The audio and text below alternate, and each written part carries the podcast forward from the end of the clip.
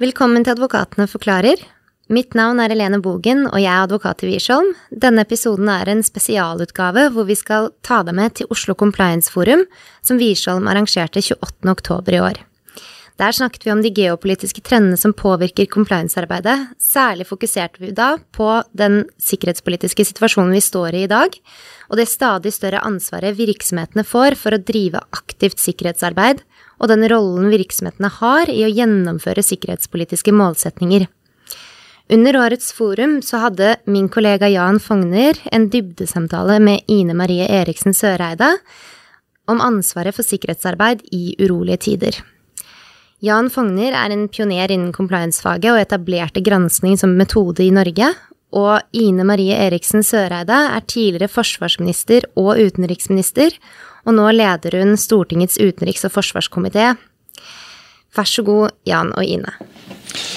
God morgen, eh, Ine. Jeg eh, var ute og, og så etter deg. Eh, jeg var litt, Man er jo alltid litt nervøs. Jeg tenkte I ditt tilfelle er det ikke noe grunn til å være nervøs, men du var jo på fest hos kongen i natt. Ja. Kanskje ikke i natt, men i hvert fall i går kveld. Henger du mye på Lorry?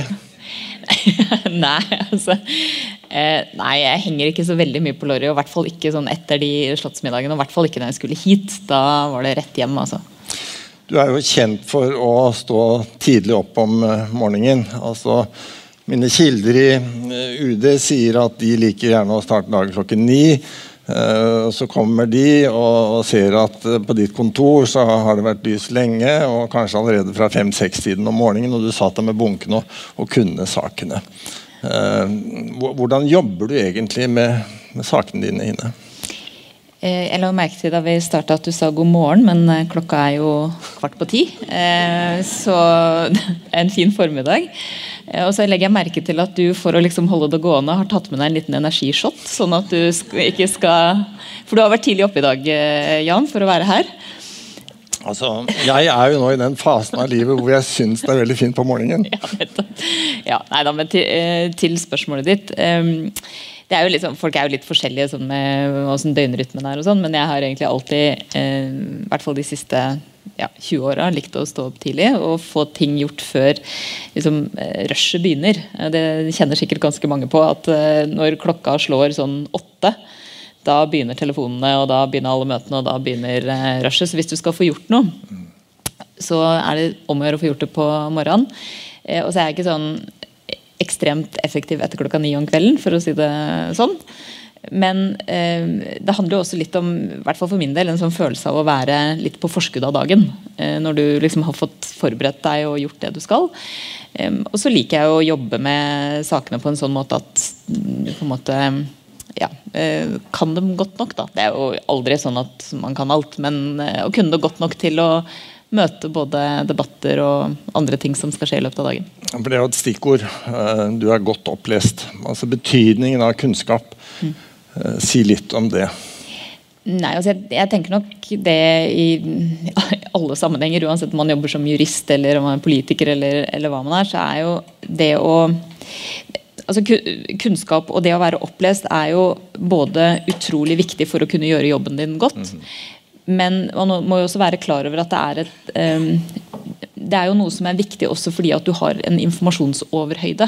Mm. Um, og det man veldig fort lærer som uh, både statsråd og, og, helt sikkert som jurist noen ganger også, er at um, dagen blir jo aldri helt som du har trodd. Og du må regne med at det kommer i hvert fall en uh, tre-fire kriser på løpende bånd i løpet av dagen som må håndteres. Og hvis du da måte, må begynne å å liksom få styringsfart og, og, lese deg opp når krisa kommer, så er det ofte litt eh, Da blir du litt bakpå. Men så er det jo ikke alltid det funker sånn heller. Altså, det kommer jo ting eh, deisende som man ikke helt har, planlagt for eller tenkt på heller, eller ikke jobba så mye med.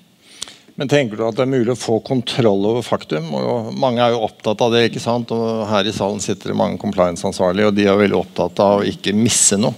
Mm. Uh, og ha oversikt. Uh, det der å virkelig ha kontroll, er det mulig? Og du satt jo nå i regjering covid to år. Mm. Dagsordenen dagsorden ble en helt annen. Altså, hvordan håndterte dere det med kunnskap, mangel på kunnskap, nye temaer? Å og ta beslutninger?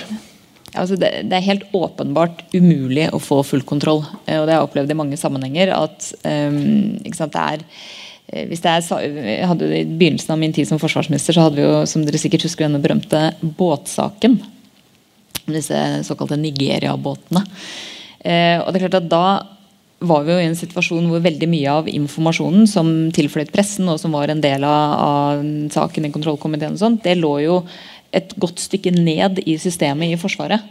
Og det var egentlig ingen som liksom satt på det hele og fulle bildet. Og det gjør at det liksom dukker opp ting da, sant, med jevne mellomrom som, eh, som, kommer som en overraskelse på de aller fleste. Så du, på den måten så kan du aldri ha helt kontroll.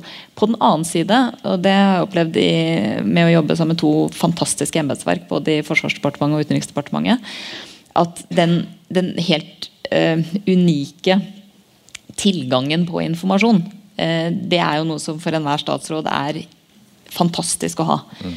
Eh, og Det er ikke bare det at du liksom eh, det er ikke bare at du får en bunke med, med liksom innberetninger og sånt som du leser igjennom, men du får jo også det du trenger når du trenger det til den bestemte saken. Mm. Men da er det jo veldig viktig å ha liksom bakgrunnskunnskapen også, så man liksom kan hoppe rett inn i det.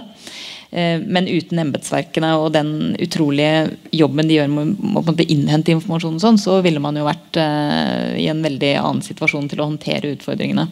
Og til det poenget ditt om, om covid. Uh, ja, Det var ikke på planen, for å si det sånn. Men man må jo bare håndtere det som kommer. Og det er jo et sånt egentlig et helt ekstremt eksempel på det å måtte ta beslutninger uten å ha fullstendig informasjonsgrunnlag eller beslutningsgrunnlag å ta beslutninger om ganske eh, altså For det første veldig inngripende tiltak. Jeg tror vi alle liksom satt og syntes at det var tidvis helt utrolig spesielt, det vi måtte gjøre. Samtidig som og jeg synes Pandemien er et veldig godt eksempel på at eh, al altså, man står veldig ofte enten det er pandemi eller man skal ta en beslutning om for å delta i internasjonale operasjoner med soldater, i en situasjon eh, hvor du bare har dårlige alternativer foran deg. Det er liksom ingen av alternativene som er to tomler opp. Men du må ta en beslutning allikevel. Og Det er jo fordi at det å ikke ta en beslutning er også en beslutning som har konsekvenser i en gitt situasjon. Og det merka vi utrolig godt i pandemien. Og jeg husker Bent noen ganger eh, var, sant, når vi hadde regjeringskonferanse, som vi jo hadde eh, veldig ofte, i en litt rar setting, vil jeg si, med to meters avstand, pleksiglass rundt. Vi så ut som et stort callsenter inne på statsministerens kontor. Um, men det han ofte sa var at sant, når vi diskuterte sakene, og alle var ja, men veit vi mer om det, kan vi si det, vi liksom, eh, hvor sikre er vi på at det vil liksom slå ut på den måten? Og så sier vi, kan vi, kan vi liksom diskutere det igjen på torsdag, om to dager? Og nei, det går ikke. For hvis vi ikke tar den beslutninga nå, iverksetter den i dag, så mister vi kanskje liksom én måned med smittespredning. Så, så, jeg tror da samtidig at det var ganske viktig å, å tørre å si når vi hadde pressekonferanser Vi hadde jo, jeg tror eh, må Pål hjelpe meg litt kanskje, men jeg tror vi hadde sånn ca. 220 pressekonferanser til sammen. Det var ganske ofte vi satt i regjeringskonferanse og bare sånn Må vi ha pressekonferanse i dag også? Ja, det må vi. Eh, men det var viktig av én spesiell grunn. En ting var at Informasjonsbehovet var veldig stort, men det var kjempeviktig å fortelle utad om dilemmaer, om tvil, om at det kan godt hende at vi har tatt feil beslutning nå. At vi må rette opp den. Vi må gjøre noe annet. Men vi kan ikke la være å ta denne beslutninga.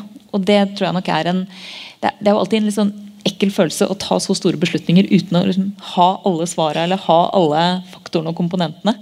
Men det er ikke veldig mye alternativ. Nå har du jo kommet inn litt på dette med risikoappetitt og stil. Altså, mm, jeg ser også Erna i bakgrunnen. Eh, liksom modig, kjøre på. Altså, hvilken betydning har personlig innretning knytta til risiko, det å tørre å ta avgjørelser, tempo og bruk av instinkter? For i noen grad må du jo nå støtte deg til instinktene dine.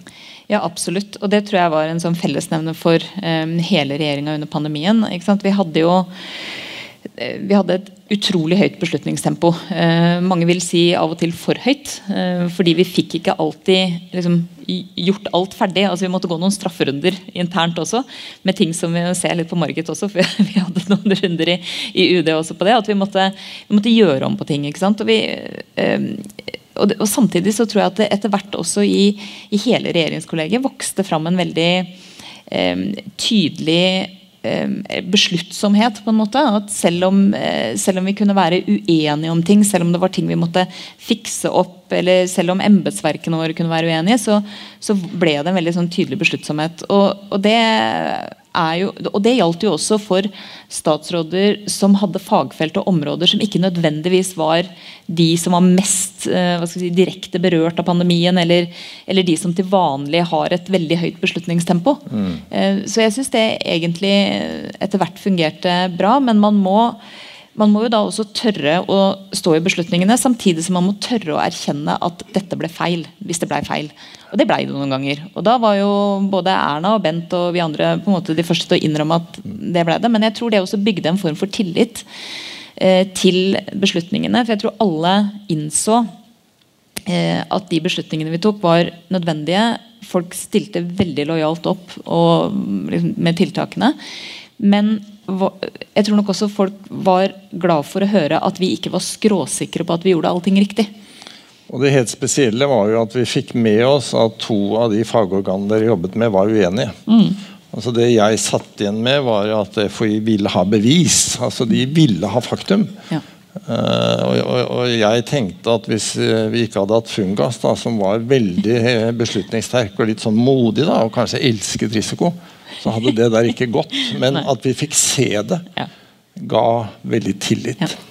Og Det har vel overføringsverdi til eh, det vi snakket om før du kom. da. Mm. Altså Det må gjøres veldig mange beslutninger nå på, på kanskje tynt grunnlag. Mm.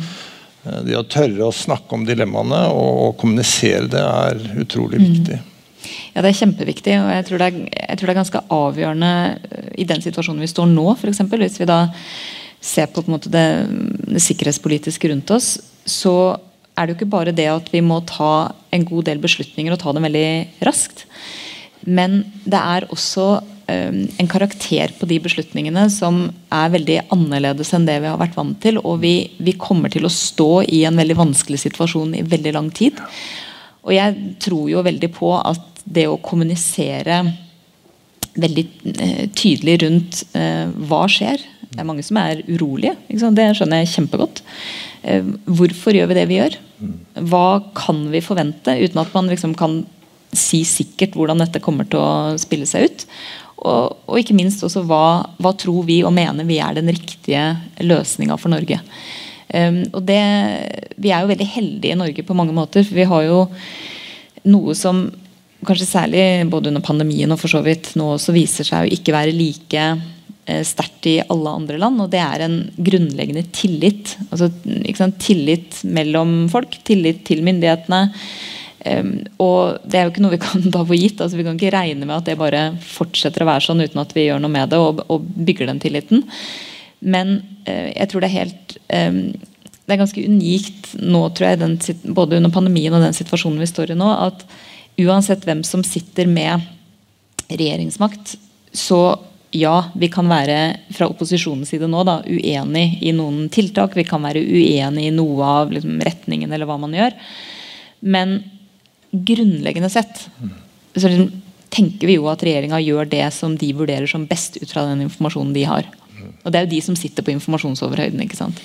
Eh, og Sånn var det under pandemien òg, tror jeg. La oss bruke litt tid på å analysere situasjonen du, du, bruker ordet 'situasjonen er jo så kompleks', så vi kan ikke bare si krigen i Ukraina. Det er ganske mange ting. altså Først din analyse uh, av situasjonen, og, og, dernest betydning for Norge. Eh, ja, det er jo Jeg skal ikke bruke mye tid tror jeg, på å fortelle hva som skjer på bakken, for det tror jeg alle følger veldig nøye med på, på hele tida. Men eh, litt hva vi kan forvente oss, og hvordan det påvirker oss. fordi som du helt riktig sier, så var det var det jo ikke sånn at da denne invasjonen kom 24.2, så skjedde jo ikke den i et vakuum. Um, jeg har sagt det noen ganger, og det mener jeg virkelig sterkt. At um, det som gjorde denne invasjonen mulig, var delvis um, den egentlig helt manglende vestlige reaksjonen på angrepet på Georgia i 2008. Og anneksjonen av Krim i 2014. Ja, det ble Eh, restriktive tiltak i EU som vi var med på helt fra starten i 2014. Men mesteparten av samarbeidet med Russland har jo gått som normalt fra de aller fleste land. Um, og det har jo også gjort at Dette er jo litt sånn også russisk tankegang, at de, de, stopper jo på en måte ikke før de møter motstand. og Da mener jeg ikke nødvendigvis militær motstand, men altså et, en, en, respons og en motstand som gjør at de ser at her må man endre kurs. Eh, og derfor så da denne invasjonen kom, så var jo det på mange måter en fortsettelse av den åtte år lange krigen som har vært i Øst- og Sør-Ukraina. Og det har jo selvfølgelig også vært helt dramatisk, både med ca. 15 000 drepte og mm, ja, nesten 3 millioner som trenger humanitær hjelp på et veldig sånn, avgrensa geografisk område. Og Samtidig så er det jo viktig å prøve å analysere hva som ligger til grunn for den invasjonen som kom nå. Og Det har jo med all respekt ingenting med Nato-utvidelse å gjøre, men det har med historie å gjøre. Um, hvis man går tilbake og hører Putins tale i München i 2007, Eh, så forteller han jo veldig tydelig hvordan eh, Sovjetunionens oppløsning var en katastrofe og en ydmykelse. Han har egentlig aldri akseptert det, eh, og har jo opp gjennom hele sin tid som enten president eller statsminister, han har jo vært begge deler, forsøkt å da både være truende, men også utøve helt avgjørende innflytelse i Russlands naboland. og det Eh, tror jeg også gir et frampek på hva vi kan forvente framover. Fordi um, det er jo ikke en konsesjon som på noen måte er mulig å gi for noen i forhandlinger. Uh, og Det betyr at uh, i Putins uh, jeg skal ikke si Putins hode, for der tror jeg ingen verken er eller ønsker å være. Men i den tankegangen som ligger til grunn for det regimet gjør, så er det på en måte umulig å se for seg en slags seier eller en slags ettermæle inntil man har oppnådd det. Og det kommer man jo ikke til å oppnå. Og nå begynner jo de militære alternativene å bli færre og dårligere. Det ses jo veldig tydelig i eh, økende antall angrep på sivile. Eh, veldig brutale angrep. Um, bruk av voldtekt som våpen, bruk av bomber. Eh, og dette er en veldig dette er en veldig dramatisk situasjon i Ukraina eh, som dessverre, tror jeg, kommer til å vare ganske lenge. Det er ikke noe som tyder på nå at det blir en endring eller at det blir forhandlinger. Er, altså, ukrainerne er også veldig tydelige på at etter anneksjonen av enda mer ukrainsk territorium, så er det selvfølgelig helt uaktuelt for ukrainerne å forhandle i den posisjonen de står nå. Og Det er jo det som ofte er dilemmaet ved den type kriger og konflikter. at Man kunne jo gjerne ønske seg at det kom en forhandlingsløsning veldig raskt. Men dessverre er det jo sånn at den sjelden kommer før en av partene føler at de har en så tydelig eh, overlegenhet på bakken militært at de er i en sterk nok forhandlingsposisjon. Eh, og tilliten er jo helt borte. også. Russland har jo ikke overholdt noen av Minsk-avtalene. De har ikke overholdt eh, det de har sagt eh, så langt i krigen. Og de gikk jo til en krig de sa de ikke skulle eh, gå til, også bare dager før. Så dette kommer til å bli langvarig. Ehm, og jeg eh, Nå er det jo sånn at ehm, Putin ser på mange måter um, styrke i brutalitet og ødeleggelse. og Det er jo grunnen til at det kommer til å fortsette. Men det som, det, i tillegg til å være forberedt på det, og den effekten det har på alt fra energipriser til matpriser til stabilitet til renter og alt det alle land opplever nå, så er jo noe av det vi må være mest forberedt på nå framover, er bruken av eh, særlig energi som et våpen i den altså, hybride eh, kampen som fører oss, og bruken av det som virkemiddel. Det er et veldig enkelt tilgjengelig virkemiddel for mm. Putin. Um, han drev jo allerede under anneksjonen av Krim med å liksom, skru av og på gasskrana til uh, Ukraina, men da var det ganske begrensa geografisk. Nå er det jo for hans del noe av det viktigste man kan prøve å bruke som en, et verktøy for å splitte europeiske land. For å skape maksimal uro, frykt, usikkerhet og kaos internt i land. Og jeg tenker at Det er ganske spesielt at vi sitter i 2022 og hører tyske myndigheter si at de er oppriktig bekymra for sosial uro. Det er liksom ikke der vi trodde vi skulle være nå. Men det er de, og det er det grunn til å være også. Eh, og vi ser jo at mange av, eh, altså mange av landene opplever jo nå at det er et, selvfølgelig et stort press mot myndighetene for å si, prøve å, å, forhindre den eh, ganske dramatiske utviklinga i mange land fordi at prisene øker på alt. Og det er jo veldig få land som har den samme muligheten som vi har til å kompensere folk for disse økte prisene. Veldig få land eh, har den samme økonomiske situasjonen.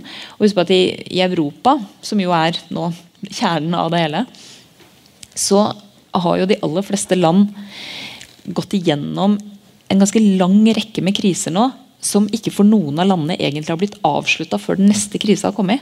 Det er ikke mer enn to måneder siden Hellas eh, ble si, fritatt for kontrollen etter finanskrisen. De har hatt oppfølging og kontroll helt til nå. Eh, mens vi har jo vært i den heldige situasjonen at når krisene har treffet oss, så har vi håndtert dem og på en måte satt et punktum for dem. Og kommet oss til hektene før den neste krisa kom. Men gjør ikke det at nordmenn tenker at dette er fjernt for oss? Eh, hvilken betydning kommer denne krisen til å kunne mm. få for Norge? Den både har og kommer til å få stor betydning. Uh, og én ting er jo selvfølgelig at vi, vi har jo uh, det, det, ofte det nærmeste og nære man ser, er at vi tar imot ukrainske flyktninger. Og at strømprisene og, uh, og rentene øker. Det er det sånn umiddelbare. Men vi klarer på en måte å håndtere det fordi vi klarer å kompensere folk for ting. Vi klarer å uh, ta imot flyktninger, vi klarer å, å, bidra på den måten. Men det jeg tror vi er mindre forberedt på, det er den langvarige situasjonen vi kommer til å ha med et trusselbilde som ser veldig annerledes ut enn det vi er vant til. Og Det gjelder jo særlig risikoen for spionasje, sabotasje, etterretning.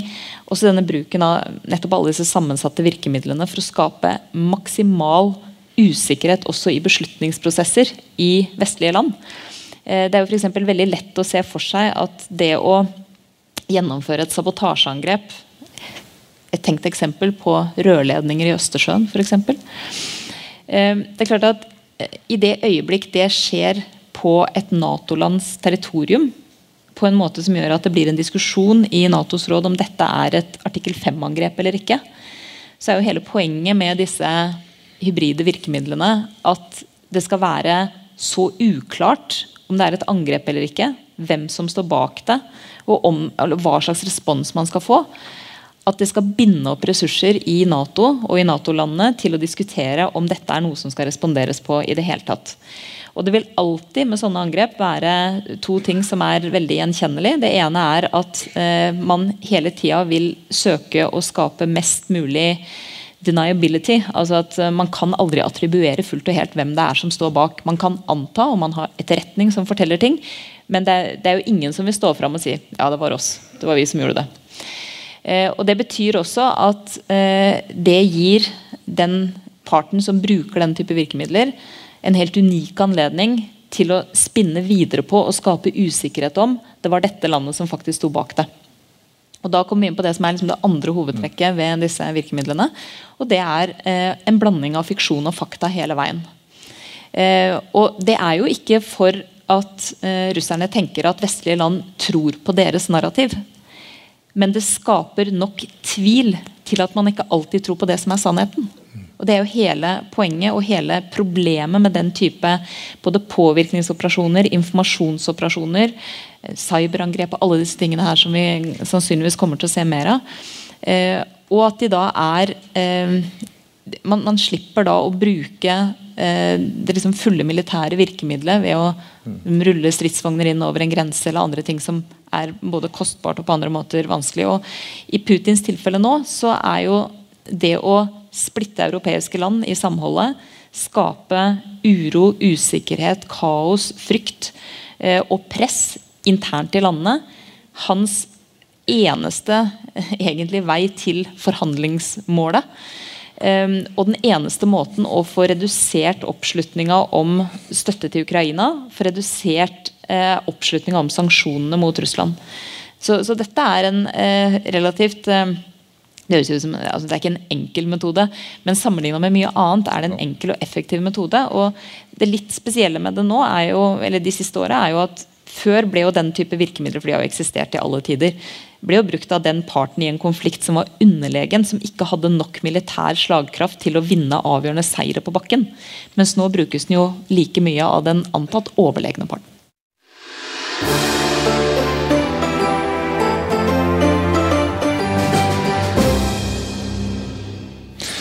Alt det du sier, tilsier jo at Norge er et mål. Vi har et enkelt mål. Kommunikasjon, infrastruktur på sokkelen. Mm. Er det sagt tydelig nok, er det gitt en tydelig nok beskjed at dette er mål, og at man må være forberedt på det? Altså, jeg opplever at regjeringen har gjort noen sånne symbolting. Justisministeren Grense Jakobselv, statsministeren ut på sokkelen for å liksom markere. Men Tenker du at det er gitt en tydelig nok beskjed, eller er dette uh, som kommuniseres nå, bra nok? Nei, Jeg tror det må kommuniseres mye mer rundt det, og, og mye tydeligere rundt det. Og det er ikke um, Det er jo ikke fordi at man nødvendigvis har uh, alle svarene på hvordan dette her kommer til å se ut de neste månedene. Men uh, sammenligna igjen med, med pandemihåndteringa, som uh, også hadde sine absolutte feil og mangler, så opplevde vi jo at eh, det gjorde noe med folks innstilling at eh, man kommuniserte smått og stort rundt det. Og Dette er en veldig alvorlig situasjon, der det som skjer rundt oss, påvirker Norge, og det som skjer i Norge, påvirker de rundt oss. Vi er nå Europas største og viktigste leverandør av gass. Det er jo veldig lett å se for seg at det for en eh, potensiell aktør som ønsker å skade Europa, hvis navn skal være unevnt, holdt jeg på å si, eh, så er jo det å f.eks. slå ut gassforsyninga vår til Europa, eh, så det blir mørkt og kaldt overalt, eh, noe av det mest effektive man kan gjøre. Jeg tror ikke alltid at folk helt liksom, fullt ut erkjenner og innser hva dette kommer til å bety. Uh, og Det er ikke fordi uh, folk ikke er smarte eller oppleste eller følger med på nyhetene. Men det er fordi det er en helt ny situasjon for oss. Og nettopp i den situasjonen så må uh, ledere på alle nivåer være veldig tydelige i kommunikasjonen sin. Ikke for å skape frykt, men for å fortelle hva vi gjør, hvorfor vi gjør det, hva vi kan forvente oss, og hva folk må være oppmerksomme på. Jeg vil eh, at vi skal snakke litt om hvordan staten, regjeringen, jobber i sånne kriser. Vi snakket litt om, om pandemien, og, og, noe av grunnen til at det tillitsaspektet du nevnte fungerte godt, var at jeg tror alle følte at det var en plan eh, basert på alle disse usikkerhetene, og at det var et, et tydelig opplegg. Eh, nå har jeg ikke den følelsen. Altså, Sverige har laget et nasjonalt sikkerhetsråd. Amerika har hatt det. Nasjonal sikkerhetsrådgiver. Hvordan er dette arbeidet organisert i Norge? Hvem er sjefen? Er det en plan? Hvordan jobbes det nå? Si litt om det. Altså nå, eh, nå, sitter jeg jo ikke med eh, detaljinnsikt nå om nøyaktig hvordan denne regjeringa jobber, men jeg kan si litt generelt om, om hvordan, det, eh, hvordan, det, er. Og det, det er jo en det er jo alltid sånn at regjeringa har det øverste ansvaret for eh, statssikkerhet og, for nasjonens sikkerhet generelt. Um, og det finnes jo selvfølgelig planverk som er utvikla over år, uh, forbedra over år. Uh, og vi har også en veldig mye bedre beredskap nå enn vi har hatt tidligere, også for den type situasjoner vi ser. Og det, jeg synes det er veldig bra at vi nå ser måte, iverksettelsen av en, del av de tiltakene også utad. Ehm, det som jo ofte viser seg i den type eh, kriser som den vi står i nå, det er at det er et voldsomt press på de departementene og etatene som har, si, er førstelinja Eh, et veldig godt eksempel på det under pandemien var jo at Helsedepartementet ganske raskt ble eh, si, frigjort fra det å skulle lede eh, innsatsen. og Det var det Justisdepartementet som gjorde som lederdepartement, som jo er lederdepartement i sivile kriser. Og Det er jo helt åpenbart av den viktige årsak at Helsedepartementet og etatene under Helsedepartementet hadde mer enn nok med å håndtere selve pandemien. Vaksiner, smitteverntiltak, alle disse tingene her. Og da må det være, eller er i hvert fall klokt, da, at, at ordninga er sånn at du da normalt vil utpeke et lederdepartement som egentlig da samler trådene. Og så har jo eh, alle regjeringer eh, forskjellige, litt forskjellig måte å, å organisere seg på. Noen eh, opererer med underutvalg, med f.eks. partilederne i en koalisjonsregjering og noen til. Noen opererer med, med andre former for, for styring. Men, men, det viktigste er at det ikke må være noe tvil om hvor ansvaret for beslutningene sitter. Hvis det pulveriseres for mye, så vil det også bli veldig mye vanskeligere å respondere på den type kriser vi ser nå. Også fordi det skjer ting hele tida. Mm.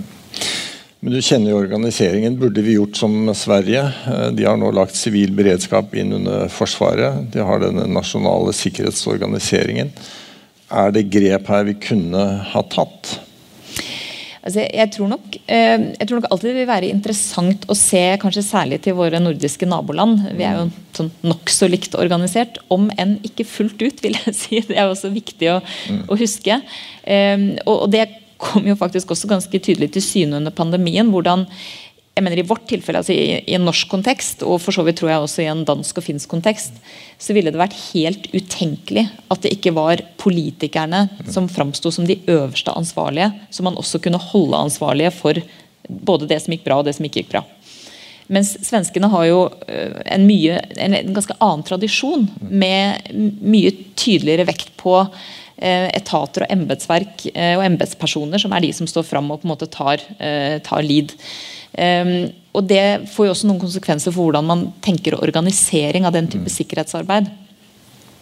Jeg tror nok at sånn, som, sånn, som, vi ser det nå, så tror jeg vi i denne krisa Eh, har mye å hente på å bruke det planverket som er der, og de mulighetene man har f.eks. når det gjelder eh, å utpeke lederdepartementer og organisere arbeidet på ulike måter. og jeg, jeg, vil tro, og det legger jeg bare til grunn, og er, sånn er det, at regjeringa også nå møtes eh, veldig ofte i andre formater, som f.eks. regjeringas sikkerhetsutvalg. Eh, som jo har de mest sentrale statsrådene inne eh, som, eh, som viktige, og, og, at de der også gjør løpende vurderinger av situasjonen.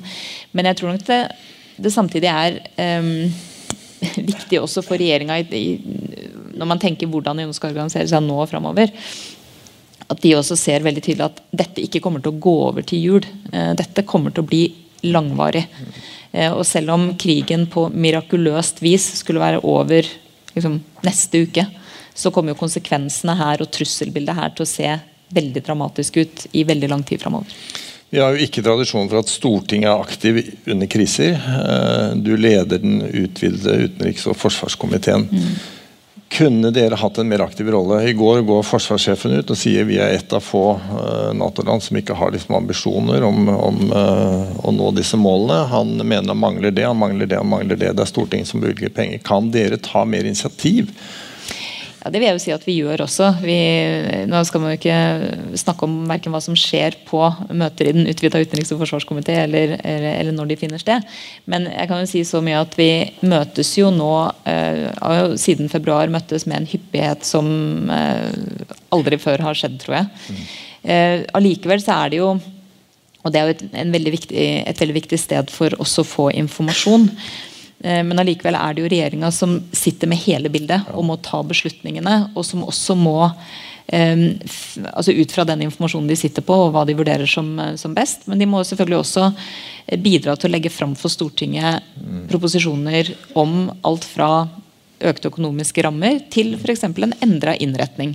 Og Det pågår jo veldig mye arbeid nå eh, både i Stortinget og i regjeringsoppnevnte utvalg som Forsvarskommisjonen, som vi i komiteen hadde et møte med eh, onsdag morgen. Da var jeg for øvrig veldig fornøyd. Da hadde vi møte fra klokka halv åtte. Det fungerte helt utmerket. Eh, og, og, denne totalforsvarskommisjonen eller totalberedskapskommisjonen. og De skal jo levere sine innstillinger i mai og juni neste år, etter planen.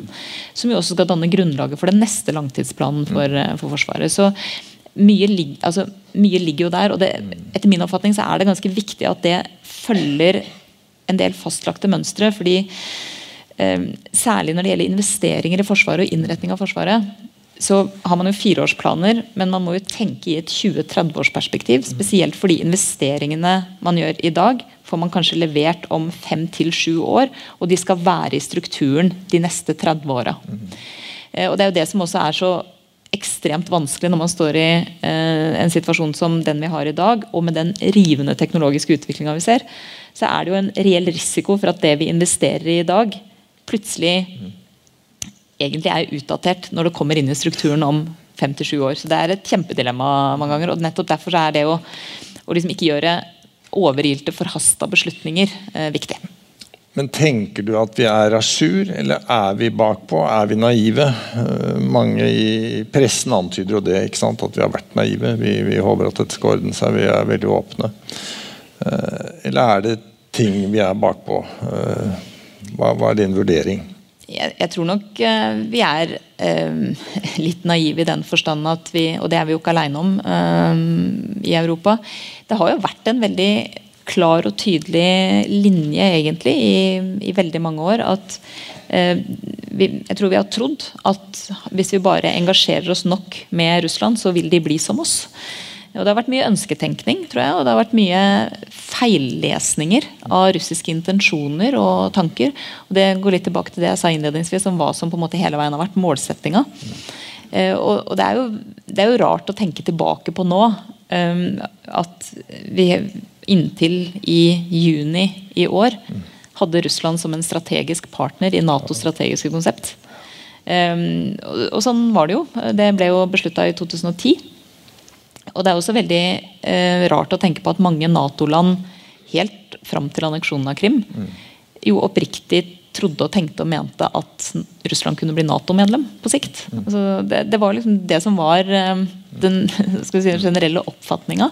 Og man skulle samarbeide, og vi har jo hatt en veldig liksom, Særlig i nord. Altså, mye utveksling, mye folk-til-folk-samarbeid. Og, og vi har hatt et praktisk og pragmatisk forhold til Russland. Men, men samtidig så mener jeg at vi altså Etter min oppfatning så var jo det reelle vannskillet 2014 altså anneksjonen av Krim. Det var da man på en måte så at forholdet ble varig endra.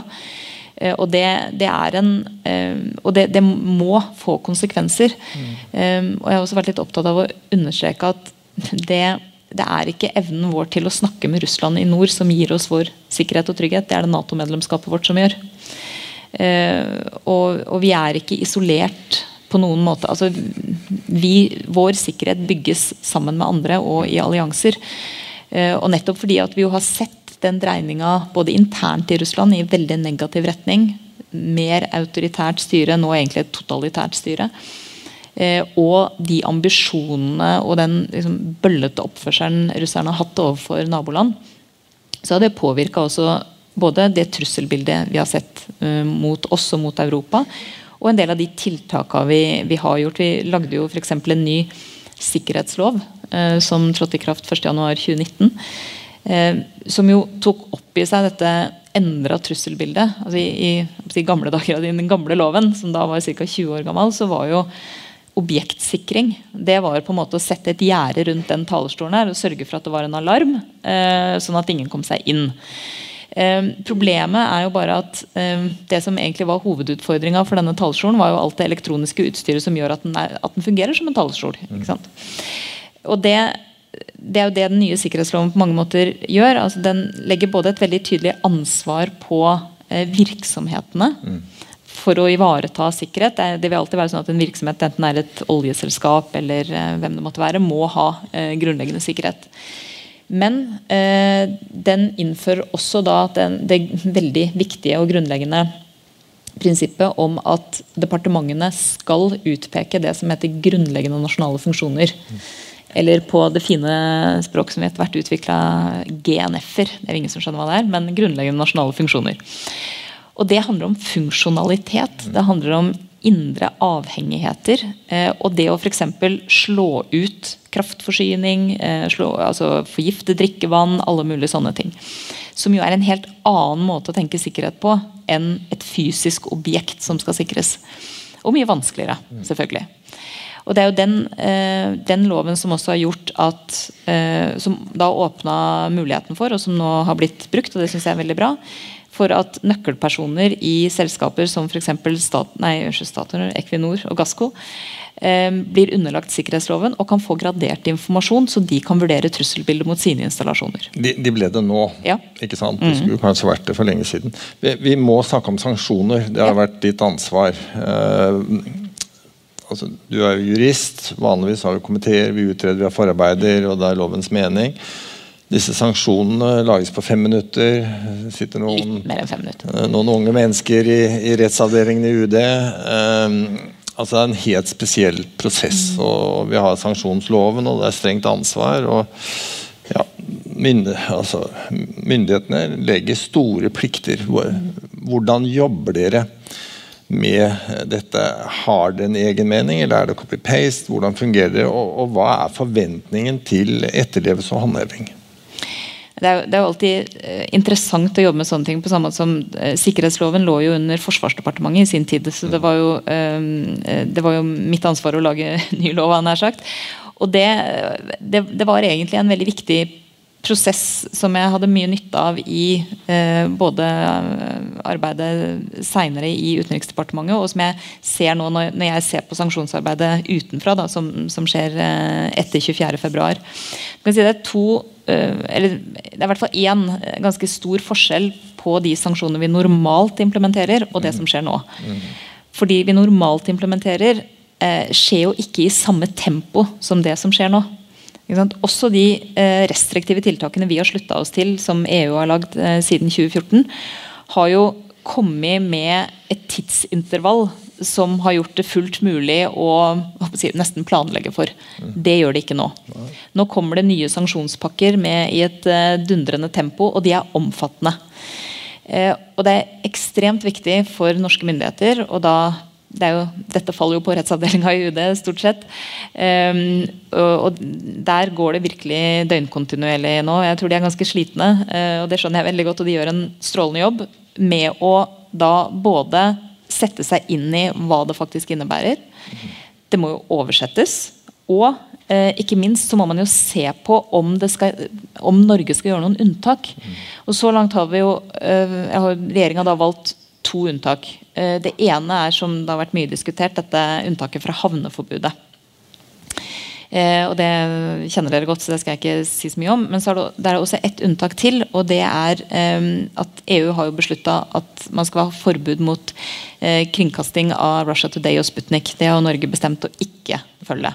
Men det er jo sånne ting som kommer til fordi man da går igjennom sanksjonspakkene og ser ikke sant, for ja, i andre sammenhenger så kan det være sånn at vi ikke slutter oss til sanksjons, sanksjoner som, som, vedtas i FN. Eh, fordi vi f.eks. Eh, at det er enkelte navngitte personer, eh, hvis man får sanksjoner mot et land, eh, som er viktige å for oss å kunne opprettholde kontakt med i forbindelse med freds- og forsoningsprosesser, som gjerne foregår liksom litt under radaren. Eh, så det, så det, gjøres alltid vurderinger av om man skal være med på alt.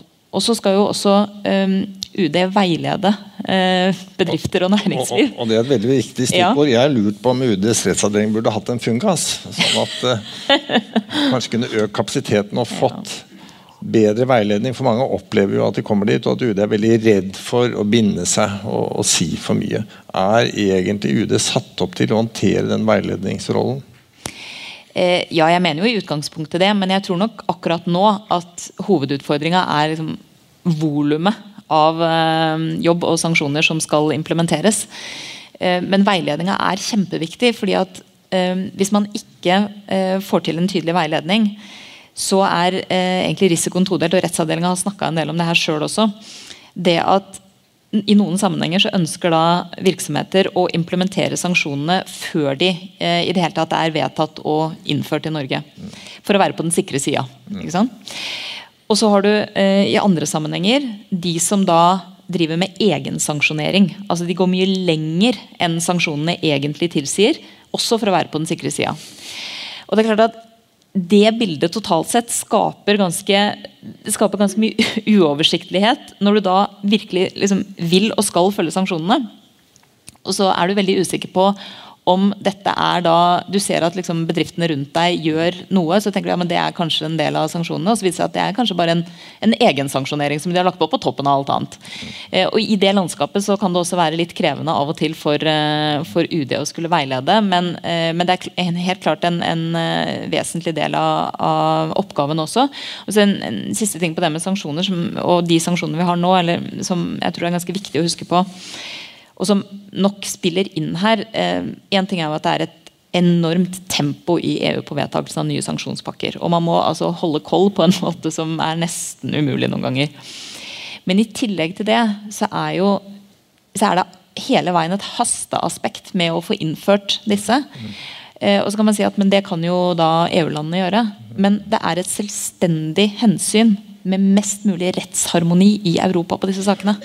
Hvis, man, hvis det spriker i alle retninger, så vil jo og dette her er jo nokså forutsigbart. Det er jo som ei elv som renner og finner vannveier der det er åpninger.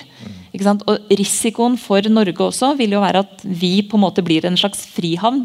Bokstavelig talt noen sammenhenger. Eh, hvis vi ikke er raske nok, eller hvis vi ikke har mest mulig liksom, rettsharmoni med, med, det andre land gjør. Da, da vil eh, både russiske selskaper og personer som er på sanksjonslister osv. raskt finner veien til oss, hvis ikke vi er like tydelige og like raske.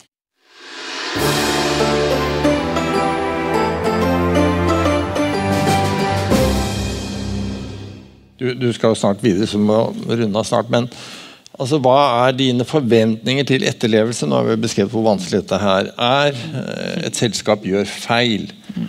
Altså, Vi har Rauda fra statsadvokaten. Vil du ringe henne og si at nå, eh, nå må vi ta ut tiltale her? Altså, vårt råd er jo å gjøre sitt beste, kommunisere med myndighetene. Eh, og så tenker jeg at, at da skal det en del til.